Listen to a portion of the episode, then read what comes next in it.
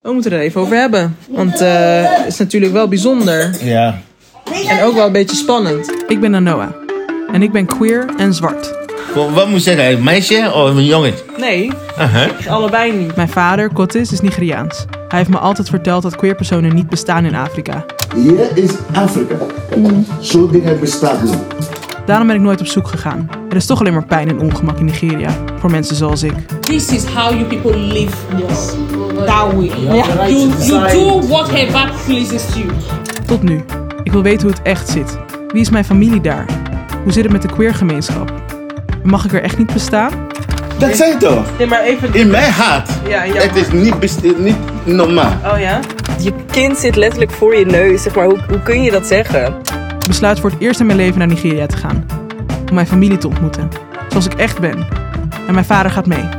Yeah, I was just worried, especially when we had contact years ago. It hurt me then. Ik heb nog best veel te leren, maar ik sta er niet alleen voor.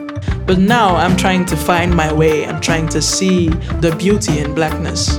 Dit is In Afrika besta ik niet. Een podcast van Omroep Zwart. Door mij, Noah Struik en Geur en Kleuren Media. Wat is niet normaal? Dat, ja. Wat? Ja, wat? Ja, wat? gebruik je woorden. dan. Ja, dat vrouw en vrouw, man en man. Het is niet normaal. Is niet normaal? Nee, Europa wel, bij Afrika niet.